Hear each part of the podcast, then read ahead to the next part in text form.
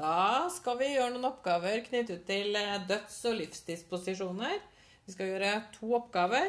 Jeg skal lese oppgaveteksten, og Odd Anders eh, skal prøve igjen å svare så godt han kan. Ja. Og hvis ikke han klarer det, så må han få noe hjelp fra ordstyrer her nå, tenker jeg. Ja. Det hadde vært fint. Frank fikk den 21. mai 2019 den triste beskjeden at han hadde kreft med spredning og bare hadde tre måneder igjen å leve. Noen dager senere overfører han 200 000 kroner til datteren Nancy. To måneder senere dør han. Sønnen Frank jr. mener gaven må gå inn i dødsboet.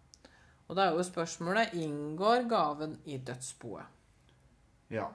Eh, Da, må, da kan man jo ta utgangspunkt i arveloven paragraf 53 om at en gave som er meint å skulle oppfylles etter at giveren er død, og gave som er gitt på dødsleie, de skal følge reglene for testamentet. Altså slike gaver kalles dødsdisposisjoner og er dermed ugyldige om det ikke gjøres i testamentsform.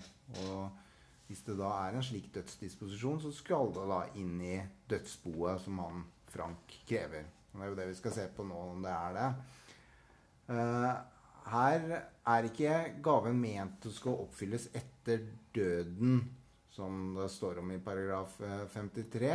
Så det man må vurdere, det er det som også står der, at eh, om det er en gave gitt på dødsleie. For at noen skal anses å ligge på dødsleie, så må det foreligge en betydelig risiko for at vedkommende skal dø i nær fremtid. Det har vært diskutert hvor langt inn i fremtiden døden må være for at man skal eh, være på dødsleie. Alle skal jo dø en gang, så et sted må grensen gå. da. På bakgrunn av rettspraksis så er en stort sett enige om at eh, rundt seks måneder må være det maksimale.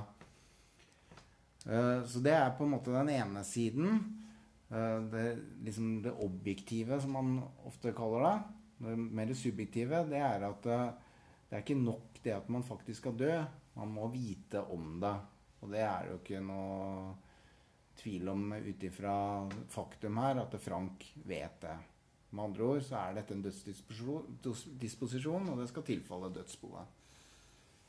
Ja, det hørtes fornuftig ut. Mm, ja. Trist tematikk her, da, men vi fortsetter i samme leia. Det er ofte sånn det er i arveretten, at det er litt Ja. trist. Ja. Elvis overfører den 21. mai 2018 eiendomsretten for leiligheten til datteren sin, Lisa Marie.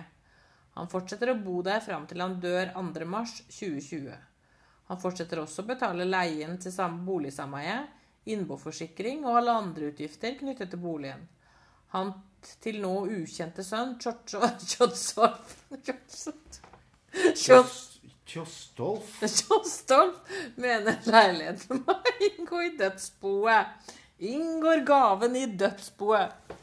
Um, ja, nå fremgår det jo ikke for så vidt uh, helt klart Altså det fremgår av spørsmålet, men det er ikke helt klart av oppgaven nødvendigvis at eh, dette er en gave. Men det må jo forutsette at det ikke er noe betaling inne i bildet. Det står jo ingenting om det i oppgaven heller.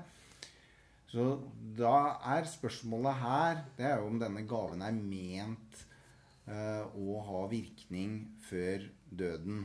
Eller sånn som det heter i Rettstidene 2007, side 776, for dere som er interessert i, det, i riktige henvisninger. Det sentrale er i hvilken grad overdragelsen innebærer en realitet for overdrageren.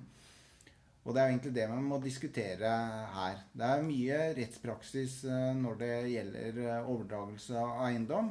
Mye artig å lese i læreboka deres også. Så kan vi kikke litt på det. Det er nok sånn at eh, dersom man forbeholder seg bruksrett, altså selv om man gjør det, så kan det fremdeles anses eh, at en gave i form av en eiendom har en realitet. Eh, Men da må det være sånn at eh, mottakeren ellers får rettigheter og plikter som en eier. I oppgaven så er det for så vidt litt lite opplysninger, men faktumet ligner ganske mye på Rettstidene 1927 side 568. Eh, hvor det også var sånn at, eh, at man beholdt eh, da plikten til Altså gavegiver mot beholdt pliktene til å, en god del uh, utgifter og sånne ting. Og resultatet der var at det var en dødsdisposisjon. Altså man først ment å ha virkning etter døden. Så jeg vil jo Det er litt det er litt lite opplysninger i oppgaven, men jeg vil jo anta at, at det må være resultatet her også. At eh, den da går inn i dødsboet. Ja. Der er jeg helt enig med deg, rett og slett. Ja, men det var betryggende. ja. ja. Nå er klokka snart eh, kort på tolv, så nå tenker jeg at eh, nå bør alle gå og legge seg. Vi også, kanskje. Så ha en fin kveld. God natt. Ha det. Ha det.